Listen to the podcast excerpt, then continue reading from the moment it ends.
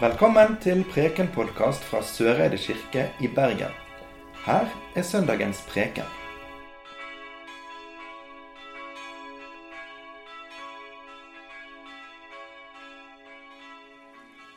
Det står skrevet i evangeliet etter Lukas. Jesus fortalte disiplene en lignelse om at de alltid skulle be og ikke miste motet. I en by var det en dommer som ikke fryktet Gud og ikke tok hensyn til noe menneske.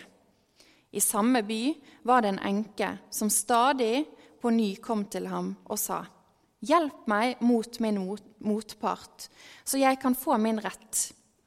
Lenge ville han ikke, men til slutt sa han til seg selv:" Enda jeg ikke frykter Gud og ikke tar hensyn til noe menneske, får jeg hjelpe denne enken til hennes rett, siden hun plager meg slik. Ellers ender det vel med at hun flyr like i synet på meg. Og Herren sa, Hør hva denne uhederlige dommeren sier. Skulle ikke da Gud hjelpe sine utvalgte til deres rett, de som roper til ham dag og natt? Er han sen til å hjelpe dem? Jeg sier dere, han skal sørge for at de får sin rett, og det snart. Men når Menneskesønnen kommer, vil han da finne troen på jorden? Slik lyder det hellige evangelium. Det er ikke så ofte vi bruker kvinner som bilder på Gud. Altfor sjeldent, spør du meg. Det har jo å gjøre med litt forskjellige ting, bl.a. at Gud og Guds navn er skrevet ned i hanskjønn. Og så er det selvfølgelig det med at Jesus var en mann og ikke en kvinne eller noe annet kjønn. Og som vi pleier å si til konfirmantene, så er jo Jesus det aller viktigste bildet vi har på Gud.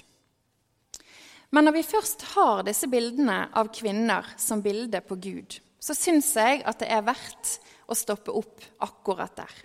For det er viktig. I en verden preget av patriarkatet, både den gang da, men også i dag, så betyr disse bildene noe. Kvinner, menn, alle mennesker er skapt i Guds bilde. Og disse kvinnebildene på Gud er derfor viktig for enkeltmenneskers verdighet, uansett kjønnsuttrykk. Vi lever i en verden som er mangfoldig og vakker. Og Derfor syns jeg det er helt essensielt at vi òg benytter oss av den mangfoldige og vakre rikdommen vi har av gudsbilder fra Bibelen. Denne kvinnen er for meg et bilde på den rettferdighetskjempende Kristus. Vi fikk høre om hun at hun er enke, og at hun stadig kom til dommeren for å få sin rett. Akkurat hva hun ber om hjelp til fra denne dommeren, det vet vi ikke. Det kan være at hun har vært utsatt for noe kriminelt, noe grusomt. Det kan like gjerne være noe helt fullstendig udramatisk og hverdagslig. Vi vet ikke. Det vi vet, er at det på Jesu tid var veldig vanlig å være enke.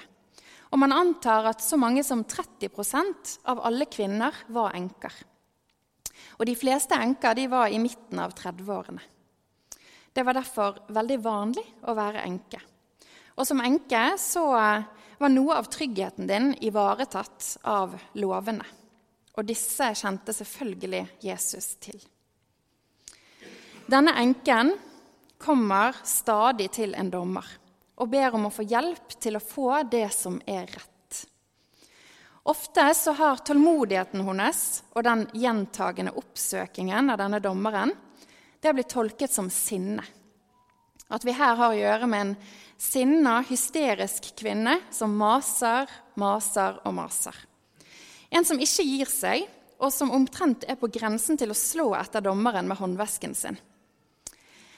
Jeg syns at det er interessant. Hun kommer jo bare og ber om sin rett det hun har rett på. Hvordan kan denne fortellingen om enken som kommer til dommeren og ber om det som er rett, hvordan kan det ha noe å si for oss her i dag? Jeg tenker at enken kan være et forbilde for å kjempe for det som er viktig, for det som er rett. Fortellingen om enken og dommeren reiser òg et annet viktig spørsmål, som mange har balt mye med. Hva med alle de som ikke orker mer? De som gir opp og kjemper for det som er rett? De som ikke orker å mase lenger? Om det gjelder kampen for sykehjemsplass til noen i familien, om det er noen som skylder oss penger, om det er seksuelle overgrep som har rammet, eller noe helt annet. Hva med de som ikke orker mer? Jeg tror at vi må kalle en spade for en spade. Vi må tørre å si høyt at verden er urettferdig.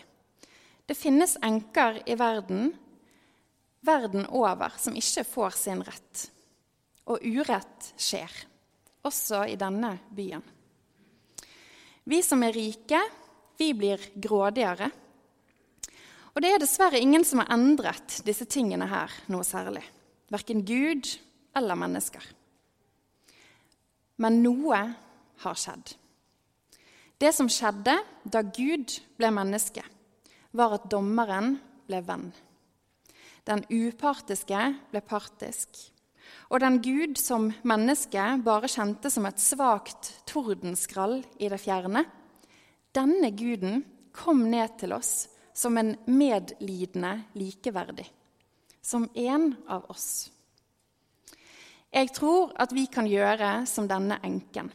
Stadig, gang på gang, så kan vi komme til Gud, oppdage Kristus ved vår side og dele helt ærlig om hvordan livet vårt faktisk er.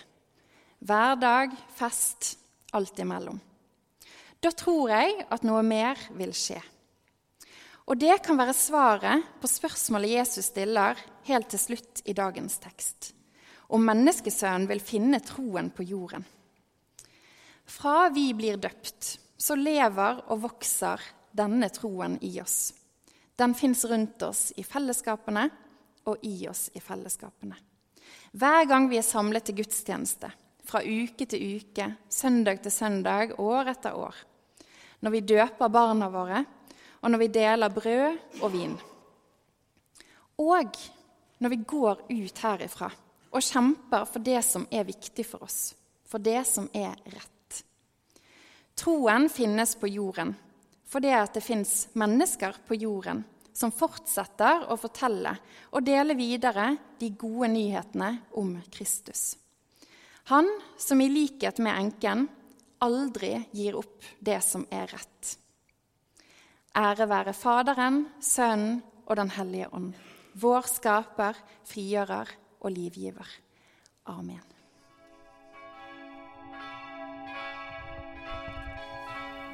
Du har nå hørt Preken-podkast fra Søreide kirke i Bergen. Følg oss gjerne på Facebook og Instagram, eller gå inn på vår nettside kirken.no. Takk for at du hørte på.